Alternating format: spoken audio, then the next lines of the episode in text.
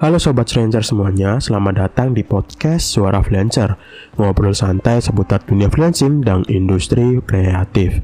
Kembali lagi dengan saya Dwi Febrianto, host yang akan menemani podcast episode kalian pada kali ini. Jadi ya jangan bosan-bosan ya teman-teman walaupun hostnya saya terus gitu Aku yang uh, ngomong terus pada tiap episodenya. Jadi uh, mohon maklum teman-teman karena yang uh, totally itu yang emang ngurus itu aku. Tapi kadang dibantu sama teman-teman aku. Tapi ya uh, beliau itu emang sibuk dan disuruh uh, bikin uh, konten aja kadang nggak mau apalagi sampai ke podcast. Jadi ya mudah-mudahan dengan adanya uh, aku di sini adanya dengan suara yang uh, agak-agak nggak jelas agak-agak ngomongnya itu bla gitu. Mudah-mudahan ini bisa membawa manfaat pada teman-teman yang mendengarkan di sini jadi uh, mudah-mudahan Solar Freelancer juga akan mengundang tamu-tamu atau uh, rekan ngomong, rekan ngobrol di podcast kali ini yang nanti akan teman-teman bisa dengarkan uh, di Spotify ataupun di YouTube. Nah, mudah-mudahan untuk episode depan aku udah kayak uh, punya tamu spesial di sini yang emang uh, menurut aku itu idola banget. Jadi ya untuk siapa tamunya teman-teman bisa tunggu di uh, episode selanjutnya. Nah, uh, setelah kita melewati tahun baru di mana klien banyak yang mengambil liburan, saatnya kita kembali bekerja lagi, teman-teman. Kembali ke rutinitas sebagai seorang freelancer. Dan karena ini sudah tanggal 10, seharusnya itu eh, masa-masa uh, liburan atau masa-masa tahun baru itu habis di tanggal 7 Januari kemarin, teman-teman. Nah, kalau tanggal 10 ini teman-teman belum ngapa-ngapain kebangetan jujur. Jadi ya teman-teman untuk uh, yang sekarang belum move on atau yang emang lagi proses move on dari masa-masa liburan tahun baru kemarin, ayo teman-teman panasin dapurnya. Promosinya itu digencar-gencarin atau ya uh, dipanas-panasin lagi lah di uh, diperbanyak lagi. atau teman-teman yang punya chat ataupun email dari buyer yang belum dibalas, ayolah dibalas-balesin. Atau teman-teman yang mungkin di sini buat produk teman-teman bisa bikin item lagi pada sekarang dan di-upload spamming dan intinya teman-teman uh, mulailah awal tahun ini, awal bulan ini sebagai awal yang baik untuk mencapai resolusi di tahun ini. Ngomong-ngomong soal resolusi, uh, Suara Freelancer juga lagi ngadain challenge uh, impian 2021 ala freelancer yang teman-teman bisa download uh, template-nya di bio di Instagram Suara Freelancer. Lalu teman-teman bisa tandai impiannya teman-teman ingin capai di tahun 2021 ini dan teman-teman bisa upload di Instagram Story atau Snap Story lalu tag Suara Freelancer dan mudah-mudahan akan kami reshare atau uh, re-upload. Nah, kalau awal tahun ini udah males-malesan teman-teman ya suram sih jujur jadi ya jangan sampailah awal tahun ini banyak rebahan ketimbang produktivitas kalau aku sendiri untuk soal produktivitas tahun ini sejak aku pertengahan Desember kemarin aku mencoba teknik Pomodoro teman-teman. Mungkin teman-teman sudah tahu bahwa teknik Pomodoro ini seperti apa. Tapi mungkin jika teman-teman nggak tahu teknik Pomodoro itu apa, mungkin kita akan bahas uh, pada satu episode khusus yang teman-teman bisa dengarkan mungkin uh, dua atau tiga episode ke depan gitu. Untuk membahas soal produktivitas, aku mau manas-manasin nih, mau ya biar teman-teman itu terbakar gitu. Karena kita akan bahas soal earning nih, siapa nih yang nggak kebakar atau nggak ke-trigger soal earning? Karena topik earning itu selalu rame di media apa pun gitu. Entah itu di Facebook di Instagram itu semua kayak rame banget dibahas soal earning gitu. Jadi orang itu banyak yang kemotivasi earning Maka dari itu untuk mengawali tahun ini uh, podcast Suara Freelancer ini bakal bahas uh, soal earning teman-teman. Jadi dengan begitu karena adanya pemicu kita bisa menjadi lebih produktif. Ngomong-ngomong soal earning nih, uh, giveaway kaos earningmu adalah motivasiku bakal ditutup malam ini. Tepatnya pada hari Minggu ini, tanggal 10 Januari 2021 pada jam 23.59 atau jam 12 malam nanti. Nah, teman-teman yang belum ikutan, teman-teman bisa ikutan sekarang di grup lembar terima orderan maupun uh, di Instagram suara freelancer sebelum teman-teman ketinggalan. Biasanya nih yang uh, aku sebelin ketika udah pengumuman giveaway sudah diumumkan itu uh, ada aja orang yang kayak kok nggak diberitahu min, kok nggak di sih min, kok aku nggak lihat sih padahal itu aku gencar banget untuk ingetin gitu entah itu di, di story ataupun di grup lempar terima orderan Nah bagi teman-teman yang emang kurang beruntung mungkin udah ngikutin giveaway kali ini tapi kurang beruntung teman-teman bisa ikutan PO-nya kok atau pre-ordernya kok mulai besok Senin tanggal 11 Januari 2020. Nah kenapa sih kita harus ikutan PO atau pre-order kaos suara Flancher? Ada beberapa alasan yang mungkin teman-teman bisa uh, menjadi alasan teman-teman ini kenapa sih harus ikutan PO atau pre-order kaos suara Flancher? Nah, yang pertama harganya itu oke teman-teman. Dengan harga 109.000, teman-teman sudah mendapatkan kaos premium dan bonus stiker packnya. Bahkan lebih murah dari kaos-kaus distro pada umumnya. Bahkan desain kaosnya itu sangat futuristik teman-teman. Saya mencari lettering artis untuk membuat desain kaos ini sehingga kaos ini bisa unggul secara desain juga. Gitu teman-teman. Lalu yang kedua, kaos ini bersablonkan plastisol, di mana tingkat kerapatannya itu lebih tinggi ketimbang kaos yang bersablon rubber. Maka tentunya dengan sablon berbahan plastisol, maka kaos ini akan lebih awet dan tidak mudah pecah ketika dipakai. Biasanya kalau ditarik-tarik sablonnya itu ketika bahan sablonnya itu rubber akan pecah, tapi kalau plastisol itu enggak. Lalu yang ketiga, teman-teman bisa custom antara lengan panjang ataupun pendek Teman-teman juga bisa mengcustom ukuran sampai tersedia dengan ukuran 4XL atau ukuran jumbo. Cocok banget buat sobat-sobat freelancer yang gendut kayak saya dulu. Ya walaupun sekarang juga masih gendut banget sih. Nah kalau teman-teman kurang tahu ukuran 4XL ini biasanya dipakai oleh orang-orang dengan berat badan sekitar 105 sampai uh, 130 kg. Itu aku juga waktu BB-nya 125 itu pakai kaos 4XL dan di atas itu mungkin 5XL 6XL sorry ya teman-teman admin itu belum bisa untuk mewujudkan itu. Lalu yang keempat uh, seperti yang pada poin pertama teman-teman juga mendapatkan stiker premium yang di mana ini merupakan stiker cutting. Yang emang stiker ini timbul dan terpotong untuk bagian di luar desain. Dan cocok banget ditempel di mana aja entah itu di laptop di iPad helm, pintu, handphone, dan lain sebagainya. Lalu yang kelima, dengan membeli kaos ini, teman-teman bisa mendukung suara Flancer untuk membuat konten-konten berkualitas ke depannya. Jadi, uh, keuntungan dari um, pembelian kaos ini akan digunakan untuk pembuatan konten ke depannya, teman-teman. Karena untuk membuat konten juga membutuhkan biaya sih, jujur. Seperti uh, harus berlangganan free pick, harus uh, software desainnya juga walaupun ya tiap hari aku desain tapi ya tetap mengeluarkan biaya teman-teman. Lalu untuk podcast ya juga dari mikrofon dari listrik dan lain sebagainya. Jadi ketika teman-teman membeli kaos ini sama saja mendukung uh, suara freelancer untuk memproduksi konten-konten bermanfaat uh, lainnya. Dan yang keenam, pastinya harga ready stock ke depannya akan lebih mahal ketimbang harga pre-order. Dan tentunya teman-teman bisa uh, tidak bisa mendapatkan custom seperti ukuran baju dan tidak bisa custom ukuran lengan panjang ataupun pendek. Jadi ya uh, untuk ready stock cuma lengan pendek yang ada. Dan untuk ukuran hanya sampai XL S sampai XL jika teman-teman berminat, bisa hubungi WhatsApp Suara Flancer yang bisa teman-teman temukan di link bio, atau teman-teman bisa DM di Instagram Suara Flancer dan kabar selanjutnya akan diinfokan pada hari Senin besok pada tanggal 11 Januari 2021. Nah, kembali lagi kita akan sesuai topik, sesuai nama podcast kali ini kita akan membahas soal bagaimana sih cara mendapatkan 1000 US dollar di Fiverr.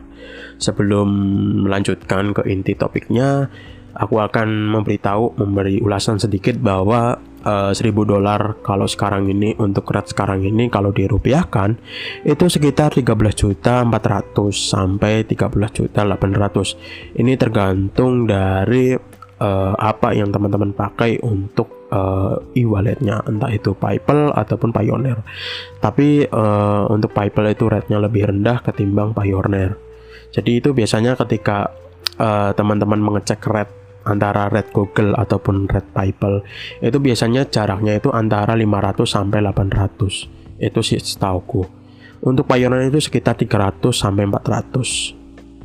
Nah, itu kalau menurut aku itu nominal yang besar. Jadi lebih tinggi dari tiga kali UMR tertinggi di Indonesia. Jadi kalau kita hmm, bandingkan dengan UMR Jakarta yaitu yang merupakan UMR tertinggi di, di Indonesia itu sekitar 3 sampai 4 kalinya. Uh, ngomong-ngomong UMR Jakarta itu untuk sekarang itu sekitar 4,2 juta. Uh, sangat wow banget sih uh, tiga kali UMR Jakarta. Ibaratnya kalau kita harus kerja tiga bulan uh, di Jakarta itu bisa di Fiverr itu bisa cuma satu bulan gitu kalau kita uh, menerapkan tips-tips yang di bawah ini. Nah, di, kalau di kota aku sih uh, nominal 13 juta uh, sampai 14 juta sih bisa uh, 7 sampai 8 kali UMR yang di mana uh, UMR di kabupaten atau kota saya itu sekitar 1,6 sampai 1,8 juta itu pun di tempat pekerjaan bisa mendapatkan UMR segitu. Jadi ya tempat-tempat tertentu aja yang bisa mendapatkan uh, eh, 1,6 sampai 1,8 juta. Dan menurut Mimin itu 1000 USD per bulannya itu kalau stabil itu sangat luar biasa ya. Dan ngomong-ngomong soal podcast ini, soal cara mendapatkan 1000 dolar dalam sebulan ini adalah membahas ke hal teknisnya. Ya bisa dibilang hal yang kasar lah istilahnya. Selain itu kembali lagi dengan teman-teman jual atau gigs yang teman-teman jual. Jadi ya jangan terlalu berharap ya teman-teman. Tapi bukan berarti hal yang ini adalah hal yang mustahil. Tetap teman-teman bisa dicoba cara-cara yang akan dibagikan pada podcast kali ini. Makanya ketika teman-teman mau jualan, teman-teman harus pastikan dulu bahwa uh, kualitas jasa yang teman-teman akan jual itu uh, menang secara kualitas sehingga kalau sudah menang secara kualitas, kita tinggal mikirin bagaimana cara jualannya.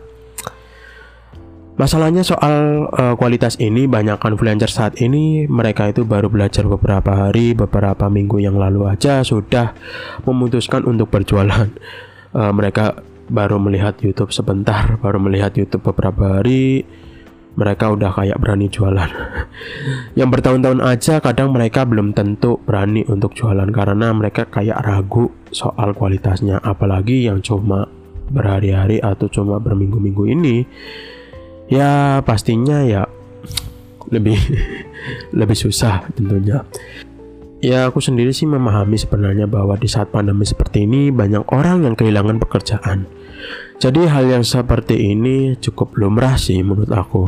Asalkan ya sadar diri aja kalau misal kita uh, nggak menang secara kualitas, kita ya jangan terlalu kecewa semisal jasanya itu nggak laku-laku. Jadi ya tinggal pilih aja teman-teman meluangkan waktu untuk memperbaiki kualitas atau buru-buru jualan tapi ya jangan sampai uh, jangan terlalu kecewa kalau semisal jasanya nggak laku-laku. Biasanya ya banyak orang yang emang kurang sadar diri aja mereka itu kualitasnya masih bagaimana tapi sering berkeluh kesah sering curhat di sosmed kapan bisa pecah telur. Ya itu mengingatkanku pada dulu sih.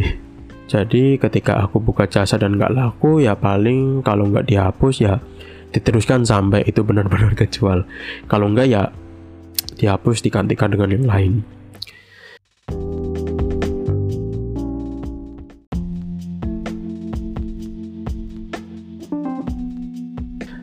Nah, sudah terlalu banyak bahasa basinya, kita langsung aja bagaimana sih soal teknisnya, bagaimana sih uh, cara mendapatkan 1000 dolar per bulan di Fiverr Oke, yang pertama-tama kita harus membreakdown dahulu bagaimana cara mendapatkan orderan 1000 dolar.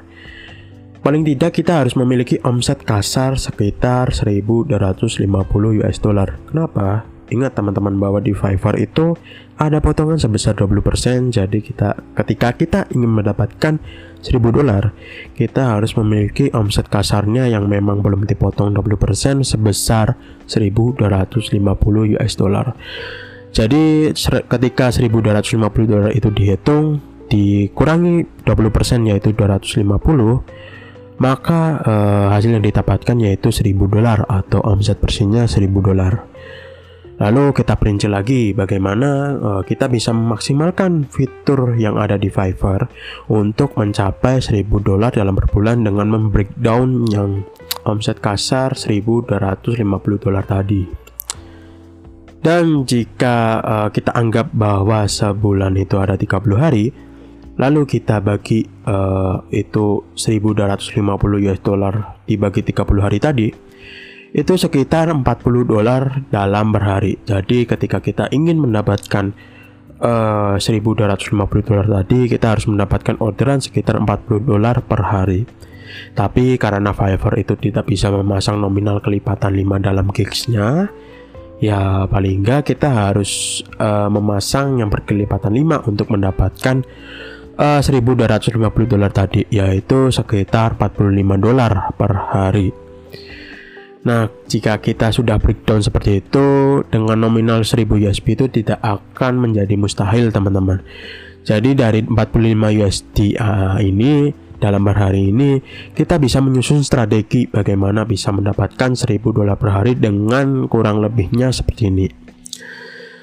Sebelum itu teman-teman bisa siapkan catatan atau ya di depan laptop teman-teman ketik karena ini poinnya ada tujuh takut ya ketinggalan gitu.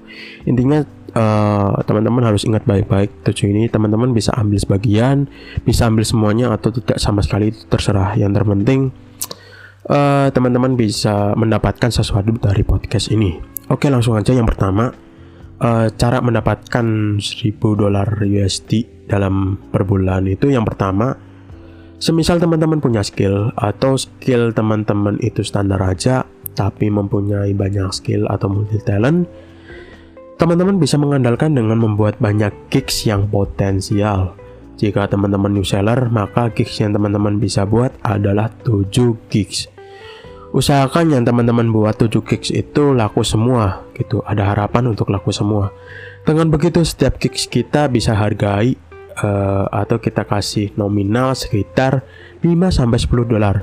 Ya mungkin uh, kita bisa memberikan 4 gigs dengan harga 5 dolar, 3 gigs dengan harga 10 dolar. Itu kan uh, 50 dolar ya ketika uh, gigs itu laku semua dalam harga basic itu sekitar 50 dolar ya tinggal teman utak atik aja lah biar uh, semua gigs itu bisa menghasilkan uh, minimal 45 US dollar Lalu yang kedua, teman-teman selain mengandalkan jumlah gigs, teman-teman bisa andalin extra gigs. Jika teman-teman nggak tahu, extra gigs itu ibarat mini gigsnya yang ada pada gigs itu sendiri. Seperti kita datang ke coffee shop, lalu kita memesan kopi. Lalu ada makanan-makanan yang dijual di situ. Nah, itu ibaratkan uh, extra gigs yang ada di Fiverr. Jadi selain dia membeli gigs utama, uh, bayar-bayar itu bisa membeli extra gigs yang di mana itu bisa menambah nominal tiap orderan bagi seorang seller. Seperti itu, teman-teman. Lalu yang ketiga, jika teman-teman seorang freelancer dengan karya atau service yang berkualitas, mungkin teman-teman punya pengalaman atau jam terbang yang tinggi, teman-teman nggak perlu tuh uh, bikin gigs yang banyak. Fokuslah terhadap beberapa gigs ya, satu atau dua gigs, lalu banyakin ekstra gigsnya. Dan juga usahakan teman-teman pertahankan performa dari gigs itu. Ya, jangan sampai kena bad rating, kirim tepat waktu, jangan sampai telat, dan sekarang pun jangan sampai kena notif 12 jam muncul. Balas pesan secara cepat dan jangan lupa naikin harganya seiring dengan jumlah orderan yang masuk tiap harinya dalam rata-rata. Semisal ketika kita mendapatkan orderan satu order per hari tiap harinya ketika suatu saat kita bisa mendapatkan 2 sampai 3 kali orderan per hari, teman-teman bisa naikin harganya. Lalu yang keempat, rajin-rajinlah untuk cek dan kirim offer di buyer request dan habiskan jatah offer dengan tepat dan benar. Dengan begitu teman-teman bisa menaikkan sales teman semua dan juga bisa menaikkan impresi dari gigs masing-masing. Lalu yang kelima, promosi. Kencar-kencarlah promosi di mana pun, di sosial media, di Pinterest, di uh, situs-situs portofolio dan lain sebagainya. Dan gunakanlah metode uh, promosi yang bisa dipakai. Pakailah asalkan secara benar dan tidak melanggar TOS Fiverr. Seperti di Google uh, Ads itu kita nggak boleh memakai atau mengiklankan gig kita melalui Google Ads. Jadi ya perlu diperhatikan teman-teman jangan sampai kita asal pakai. Lalu yang keenam, bangunlah relasi dengan buyer. Jadikan buyer itu sebagai buyer repeat atau langganan dengan melakukan pendekatan secara komunikasi. Jadi ya jangan terlalu cuek sama klien, harus uh, membangun ikatan yang kuat, harus uh, selingi juga dengan basa-basi. Dan ya jangan sampai kita terlalu cuek lah karena ya uh, di mana-mana kalau ada seorang klien uh, freelancer yang cuek pasti klien akan pergi. Ya ya kita analogikan aja ketika kita ke bank lalu customer service-nya itu cuek bagaimana tanggapan teman-teman pastinya kesel kan ya sama seperti klien ketika mendapatkan freelancer yang cuek pasti ya nggak betah lah untuk uh, bekerja lama-lama bekerja sama lama-lama seperti itu Lalu uh, buyer request juga merupakan penyelamat kita ketika orderannya sepi, kena uh, rolling atau impresinya turun. Itu buyer request itu bisa jadi penyelamat. Dan pokoknya ketika kita mendapatkan uh, buyer ataupun klien di Fiverr itu ya sebisa mungkin semaksimal mungkin gitu. Entah itu dari komunikasi, dari sisi pekerjaannya sehingga itu buyer bisa beli uh, lagi di kemudian hari. Lalu yang ketujuh, perbanyaklah berbagi dengan orang lain. Entah itu dari sisi materi, project, berbagi project, atau teman-teman bisa berbagi ilmu dan pengalaman. Uh, jadi selain uh, materi soal uang gitu, soal harta benda, kita juga bisa membagikan orang lain itu uh, project gitu kan.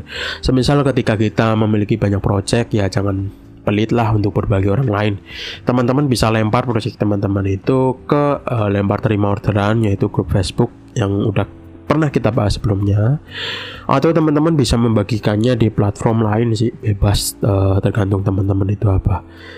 Lalu teman-teman juga bisa membagikan ilmu dan pengalaman selain kedua tadi teman-teman bisa membagikan ilmu dan pengalaman itu juga sama-sama bermanfaatnya. Jadi teman-teman bisa membagikan di Instagram, di Facebook, memberikan tips dan saran kepada pemula atau teman-teman juga bisa menjadi bintang tamu di podcast Suara Flancer. Promosi dikit.